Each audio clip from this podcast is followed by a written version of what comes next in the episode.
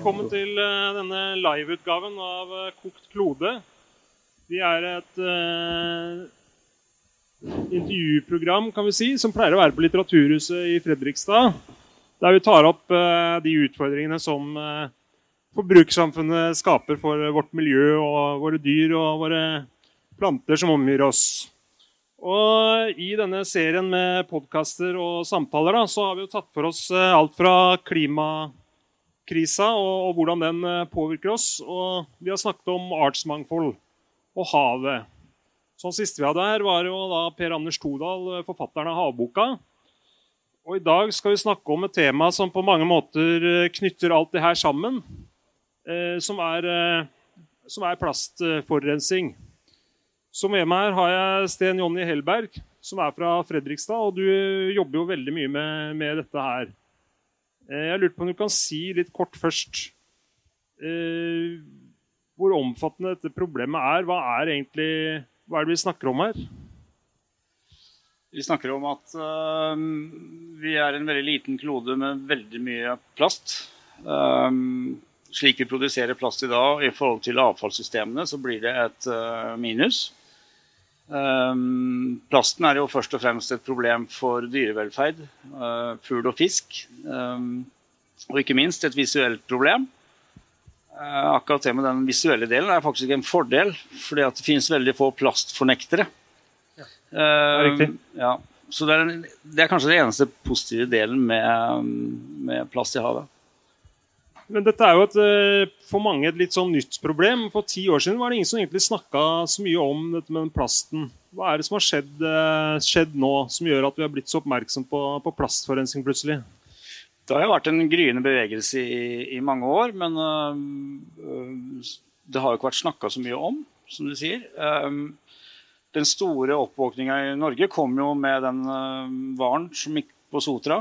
Full av plastposer i magen. Det var det som gjorde slo virkelig an i det norske folk. Og Det bildet gikk jo verden rundt. Det var, altså en, en hval som hadde spist sulta i hjel, for den hadde Ja. spist så mye plastposer så den ikke kunne få i seg næring. Den var full av plastposer, og øh, hvalen spiser jo plastposen fordi det beveger seg som maneter under vann, så de tror det er næring, og da fyller magen opp med plast. Det samme gjelder jo fugl, så de sulter jo først og fremst i hjel. Men eh, plast er mer enn plastposer, har jeg forstått. Eh, eller er det det? Er, det, er, det- er dette hvor alvorlig er det egentlig? Er, jeg ser for meg at det bare er plastposer vi blir kvitt, eller er det andre ting vi bruker plast til? da? Altså, hvor, Ja, vi bruker plast til alt øh, om dagen, og det ser man jo på alt fra emballasje, hvor mye det øker. Uh, man har fordobla eller tredobla plastbruken siden 1990. Uh, og det er ingenting som tilsier at du skal stoppe å gjøre det. så vi bruker tre ganger mer plast nå enn for 30 år siden. Ja, det Det er jo helt vilt. Men du jobber i Naturvernforbundet og har gode kunnskaper om dette her. Når var det du først eh, ble oppmerksom på hvor alvorlig det problemet her var? Eh, For min del så kom oppvåkninga for seks år siden eh, ved en rydding av en strand på Koster. Hvor vi egentlig rydda den for tang, men fant veldig mye annet i samme slengen. Så der var den første spira til Kystlotteriet belagd. Ja, nå er du inne på det. Kystlotteriet det er også et initiativ for å, for å rydde opp i plast. Ja. Det er en intensivordning eh, som fungerer på, på to måter. Den ene er at vi tilrettelegger så godt som mulig. Vi tror at, eh, det, å, at det skal være enkelt å være miljøvennlig er veldig, veldig viktig. Så det skal være kort vei til å finne en pose og kort Ja. vei til å levere søpla. Så dette er noe som eh, du og jeg og alle her kan, eh, kan være med på? Eller hva, kan du beskrive hva slags uh, opplegg dette er? Ja. Eh, I nå, per dags så har vi 85 norske kommuner, hvor vi da har tilrettelagt for utlevering av sekker og ryddestyr. Og oppretta kontakt på steder du kan levere søpla. Det er veldig viktig, for alt det vi driver med nå, det er herreløst avfall. Så det egentlig, det faller gjennom alle andre ordninger på renovasjon. Så det trenger man spesialavtaler på. Så enkelhet det er veldig viktig for oss hele veien her. Så har du med deg en boks her. eh, Ja. Der er det tau, sier jeg. Er, er det sånn at er det alt tau, tauverk og ting om bord i båter i dag, er det plast alt sammen, eller? Ja, det er veldig mye av det som er plast. Um, her er det en del eksempler fra det vi finner på strendene. og Ca. halvparten er forbruksvarer, og ca. halvparten er fra fiskeindustri. Det er ca. fordelinga her nede. Halvparten av det du finner på stranda, er fra fiskeindustri. Ja. Ja. Er det garn og Det er det vi kaller dolly ropes, uh, som er fremtredende. Som er en sånn type uh, slørpose på, på trålene som beskytter trålen fra, fra Har du eksempel på her, ja, kanskje, da? det har vi her. De ser ut som tau, men det er um, Her er det en, en fugl da, som du har uh... Her er den, den boksen her en sånn opplysningskasse som vi har for å fortelle, formidle hvor tingen kommer fra. Så de små trådene her er uh, det som da, hvis man har sett fuglefeller på runde, så er det det fuglene bruker som uh, nytt byggemateriale til redene sine. Ja. Uh, og det er, uh, det er ikke én ryddeaksjon vi ikke, ikke finner sånne rester etter dolly ropes. Her er det altså en, en fugl du har eh, Hva slags fugl er dette, da? Ja, det er et godt spørsmål. Men de, de begynner å bruke dette her til å bygge reder med. Hvorfor er det farlig? Eh, Fordi man får da plasten enda nærmere næringskjeden. eh, Og fugler spiser jo plast, og spesielt de kulene her nede som er da det fine navnet som heter havfruetårer. Eh, De ligger langs hele kysten, og fuglen tar det som fiskeegg. Altså, og, og andre veien med, med, med fisk. Så det her er altså en bitte liten boks med bitte små plastbiter i kuler i forskjellige farger. Mm.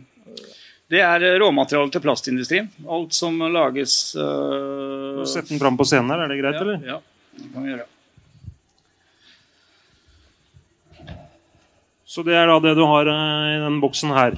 Det er den boksen der.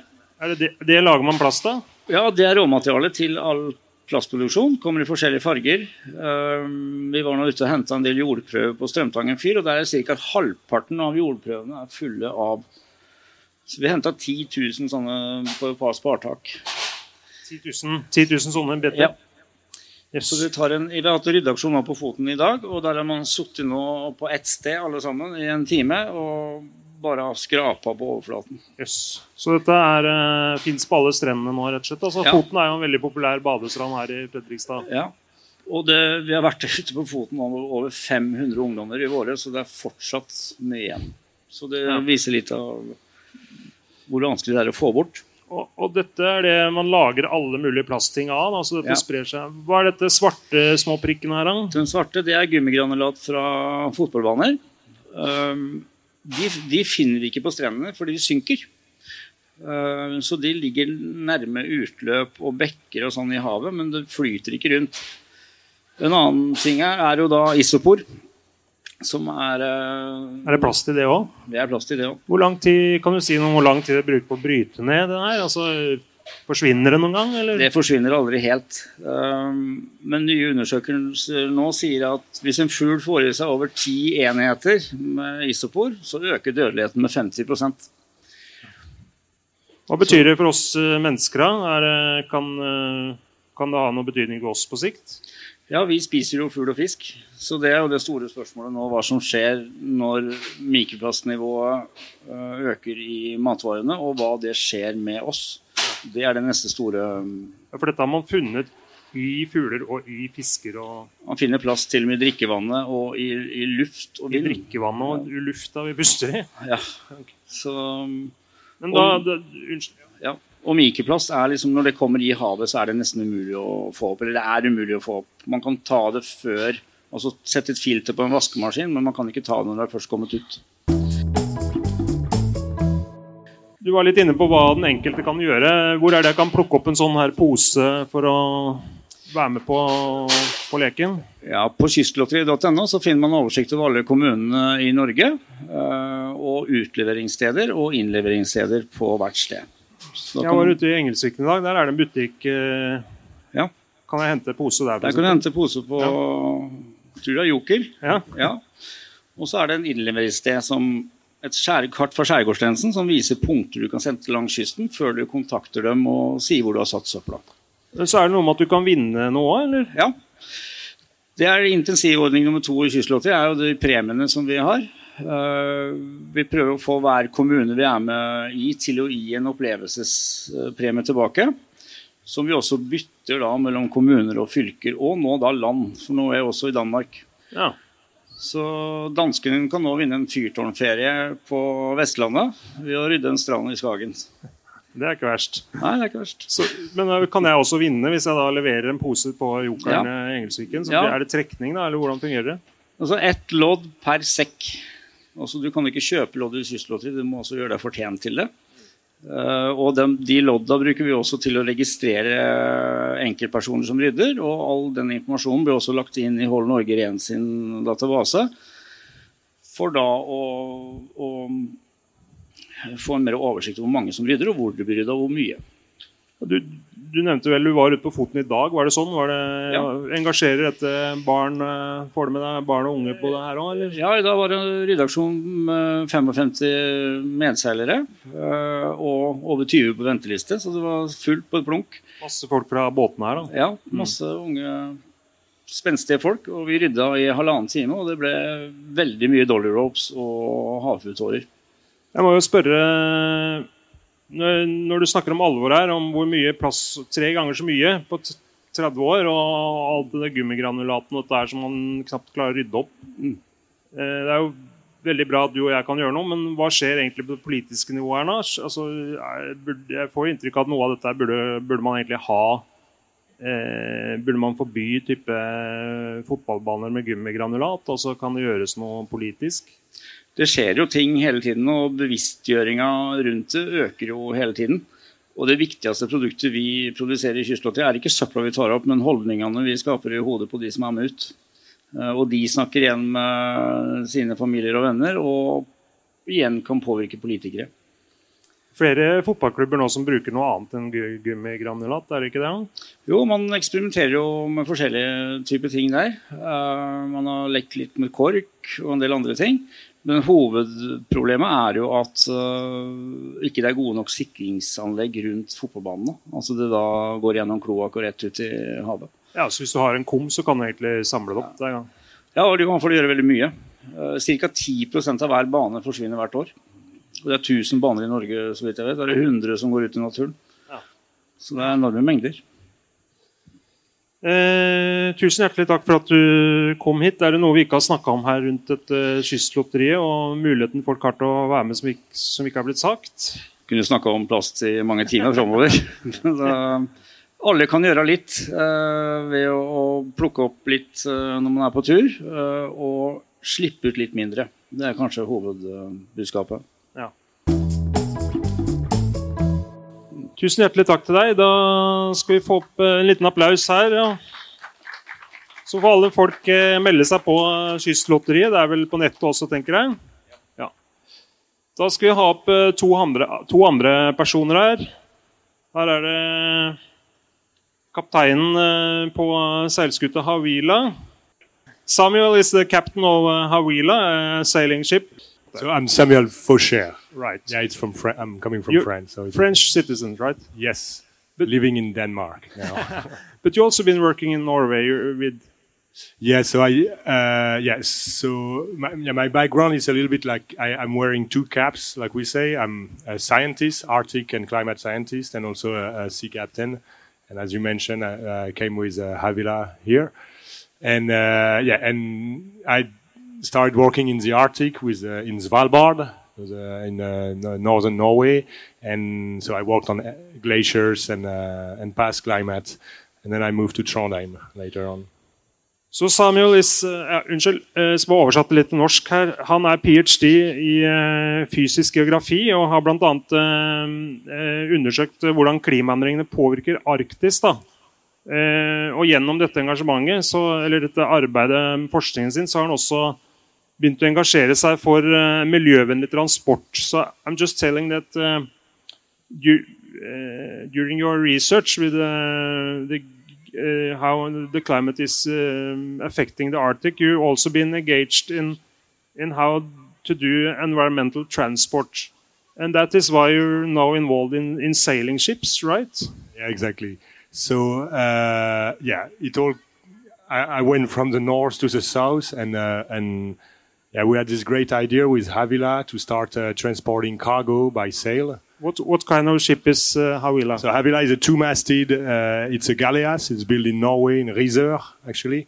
So it's a wooden uh, wooden boat. It's oak, Norwegian oak uh, on oak. Norwegian uh, boat. Yeah, it's a Norwegian boat. Now it has a. It's based in Denmark. It was built for a Swedish family uh, in order to transport ice. So in 1935, what is very interesting is ice was a resource, and uh, yeah, it was harvested. So we gather it in the Norwegian fjord, and uh, so certain ship like Havila were coming to the fjord, gathering the blocks of ice and delivering it to the fishermen in uh, Sweden, for example. And this ship is uh, is here during the the Cutter's Ark. Uh, Yeah, so we sailed the first part of the tall ship race, the first leg, and uh, after that we continue to Oslo. Uh, so we are we are here with a ship and uh, with uh, uh, Acting for Climate, the Circus Collective. Uh, we're coming to that because we have another guest here also from Acting for Climate, which is a new circus team. Nysirkus, uh, et nysirkus uh, ensemble. Eh, som også da formidler klima- og miljøengasjement gjennom, eh, gjennom dette om bord på skipet. da, så vi, vi skal snakke litt mer om det etterpå. Men, men jeg vil høre litt mer eh, I just want to hear a little bit more from you, Samuel, about, uh, about the ship and, and, and your ideas about actually doing transport, going back to using sail ships for transporting goods. Altså bruke seilskuter til å transportere gods. So yeah, I mean all the ship we most of the ship we see in the tall ship race, some of them were built as training ship, but many of them they were actually built as cargo ship back in the days, and they've been maintained and converted through the age. And uh, yeah, less just hundred years ago or less, and all the maritime transport, nearly all, was done by a sail, sailing ship, so without use of uh, fossil fuel. And uh, now we're trying to, I mean, globally we're trying to, to solve this environmental crisis and uh, this climate crisis. And one of the big motor of this crisis, as believe, is the transport. The fact that we can send a container from uh, uh, the U.S. cross Atlantic container is five hundred dollars. It's, it's very cheap because they don't pay the environmental factura, the human factura, manufacturer. And uh, yeah, and our idea is to come back to a cleaner way and more human way of transporting goods. So including now the transport in the in the chain. Uh, so bridge a little bit thi- this gap because we have a gap. Yeah, today we, we start producing goods in a clean way with respect for the environment uh, without use of pesticide or in biodynamic without even using fossil fuel in the producing. But they're still transported at sea by a large container ship. So eh, I'm just translating a little bit. Han sier altså at eh, det, til og med de som kjøper økologiske varer i dag, eller varer som er økologisk produsert, blir ofte transportert eh, med store containerskip som bruker veldig skittent eh, drivstoff. Eh, og han mener da at i hvert fall i et nisjemarked så går det an å da transportere faktisk en del varer med seilskuter. Is this actually realistic? What kind of uh, what kind of goods are you talking about? Not vegetables or So there are already uh, five ships doing this, huh, sailing ships. Some of them have no engine, so it's large ships like this. Yeah. This, they remove their engine, and Right. it's quite realistic. I mean, it's uh, it's also a business. Of course, it's more expensive than conventional shipping. Right. We cannot. Yeah, it's hard to compete. but yes, it's it's realistic in terms of price. I can give you some some numbers. But for example, on a pack of on a pack of coffee that you, you will get from South America, normal uh, uh, organic coffee uh, you find in the supermarket at uh, five euro, transported by cargo ship.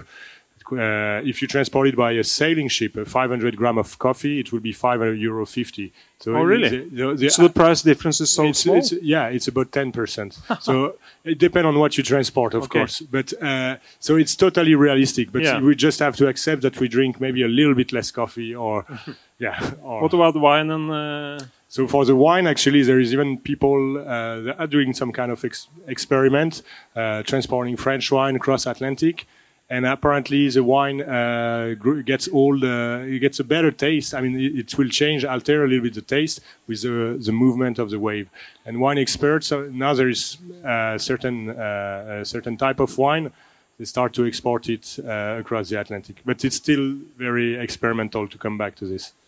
So I think this is not the solution for all goods transport, but it could be a solution for some of it. Yeah, and it's also, I think it's very inspiring somehow in the sense that it makes us wonder where are all these goods coming from because we just go to the supermarket, we pick up like the olive oil, the coffee, the, but actually this also has an environmental cost. Just the fact that we find it here because in Norway or in Scandinavia we don't produce coffee, we don't produce olive oil. It has to come from somewhere, and this also has a cost on. Uh, yeah, on the planet, and it's it's mostly maybe it's not today realistic with smaller ship like this to compete against huge container ship for sure. But it makes us a bit wonder about what is this, uh, yeah, the direction we're taking somehow. Så han, han sier altså at uh, det er veldig vanskelig for uh, å konkurrere med store containerskip, men at hans mål og Havila-prosjektet sitt mål er også å få folk til å tenke litt annerledes rundt dette. her, og At det åpner opp litt eh, tanker om hvordan vi organiserer varehandel i verden i dag, og, og hvordan det påvirker eh, atmosfæren. da. Uh, could you just explain a little bit because you're not you're not uh, just uh, ordinary ordinary captain. you're, you're you're very you're very much you've do, done a, a lot of research in the Arctic on climate change, so you know this issue very well. Yeah, um, I mean, I know a certain aspect of it. I was working on permafrost carbon, so how much carbon is in permafrost and how fast it gets released to the atmosphere. Could, could uh, you explain very briefly what, what, what is permafrost and what, what is this carbon in the permafrost? So in permafrost, it's the soil you find in uh, Arctic that's permanently frozen. So permafrost, we can. Uh, so frozen jord, also. Uh, yeah, in Norwegian, yeah. Yeah, frozen earth. Yeah, frozen earth. Uh, so it never it never thaw, it never melts. The ice never melts uh, because yeah, be, be because of the te low te atmospheric temperature. Uh, the problem with global warming today is that uh, increase of atmospheric temperature uh, is thawing, is melting the, the permafrost, and so we start to release some very old carbon, some very old organic matter that's been buried there uh, thousands of years ago and starts to be decomposed. And, uh, uh, and when organic matter is decomposed, it creates CO2 and, and, and carbon and methane that are greenhouse gases. So we have an issue here that the warmer it gets, the more permafrost is thawing, and the warmer it will get eventually. So that's interesting to, to study what are this amount of carbon and how fast it gets released to the atmosphere. Jo, eh, han sier altså at i permafrosten, eh, i eh, Sibir og på Svalbard for den saks skyld, så er det altså begravd eller bevart veldig mye karbon. Som når dette smelter, så går karbonen opp i atmosfæren og bidrar til global oppvarming. da. Så vi vet jo at temperaturen på jorda har allerede steget med nesten 1,5 altså grad siden førindustriell tid. så man nærmer seg da det som er eh, det her togradersmålet som man ble enige om å, i Paris. I was thinking, um, did you actually do you done research on permafrost? You've been there, you've seen what is happening in the Arctic.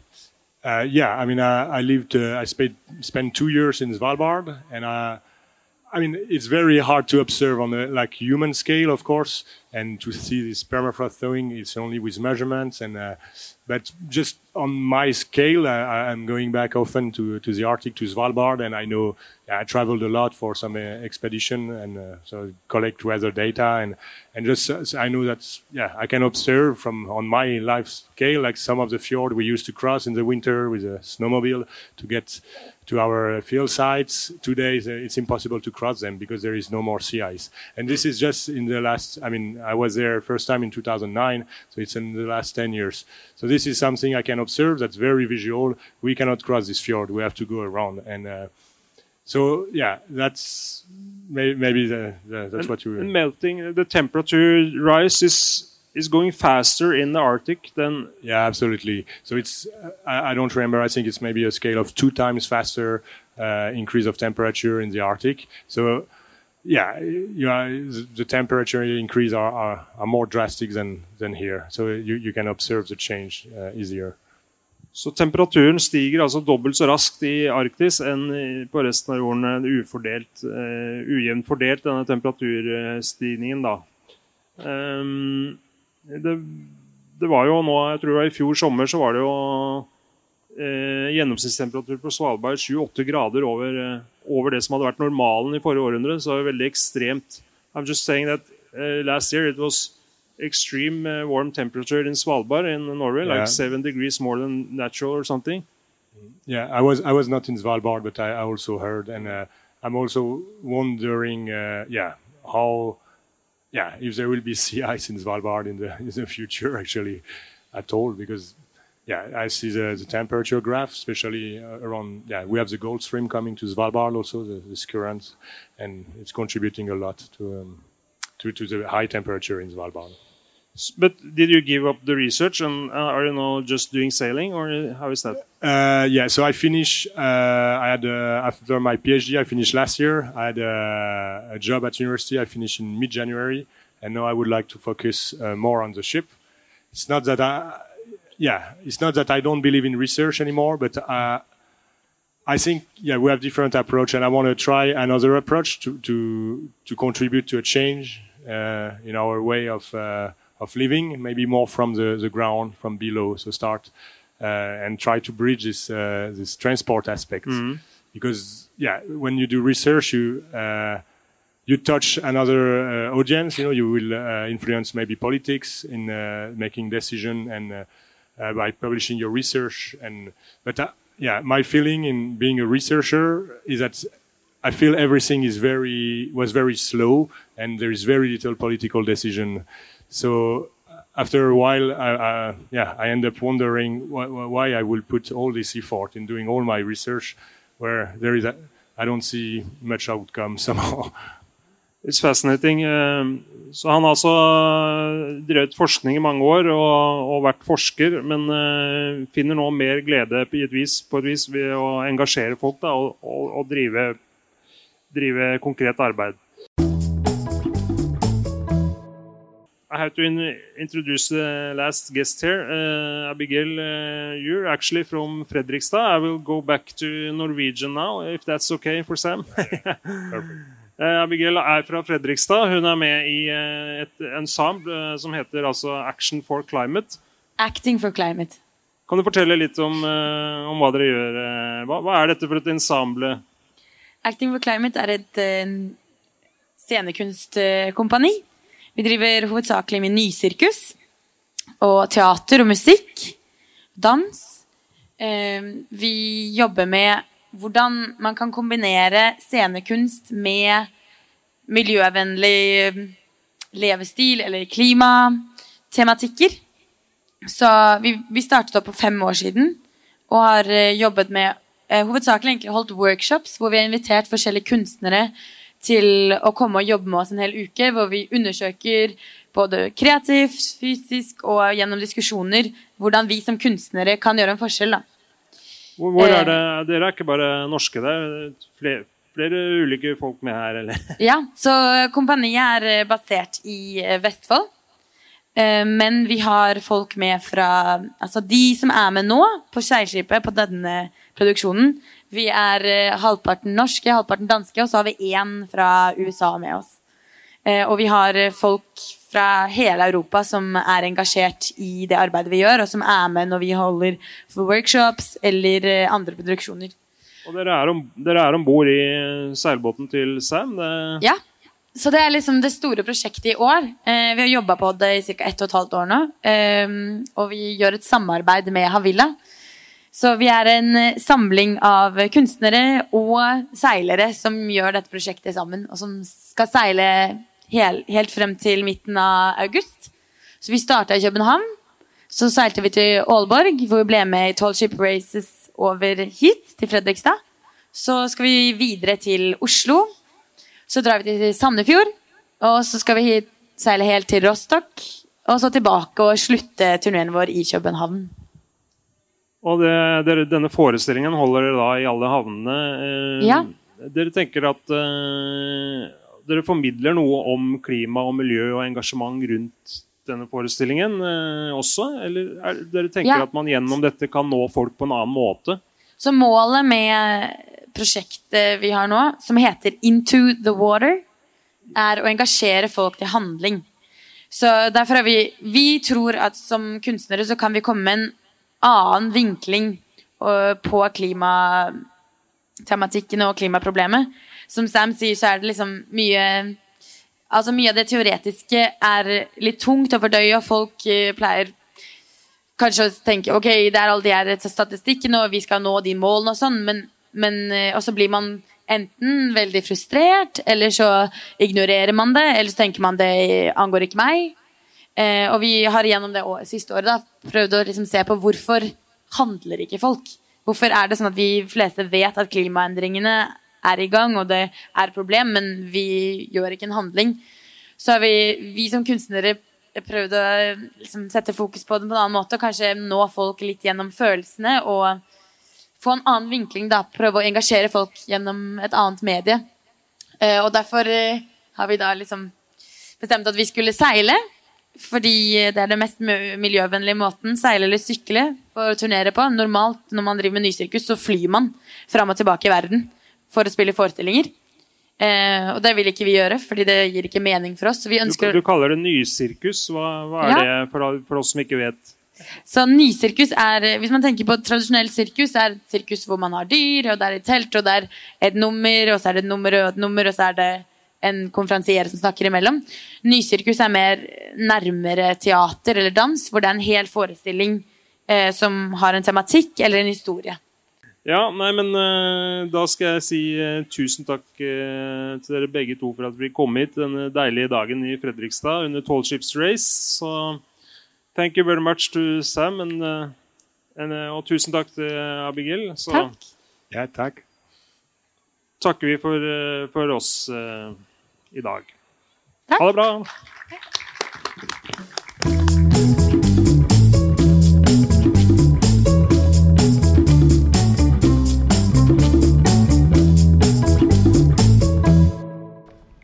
Denne podkasten er produsert av Litteraturhuset Fredrikstad. Våre solide støttespillere er Kulturdepartementet, Fredrikstad kommune, Østfold fylkeskommune, Fritt Ord, Freisborg Eiendom, Freistad Energi, Verksted, Bergesen-stiftelsen og Handelsbanken.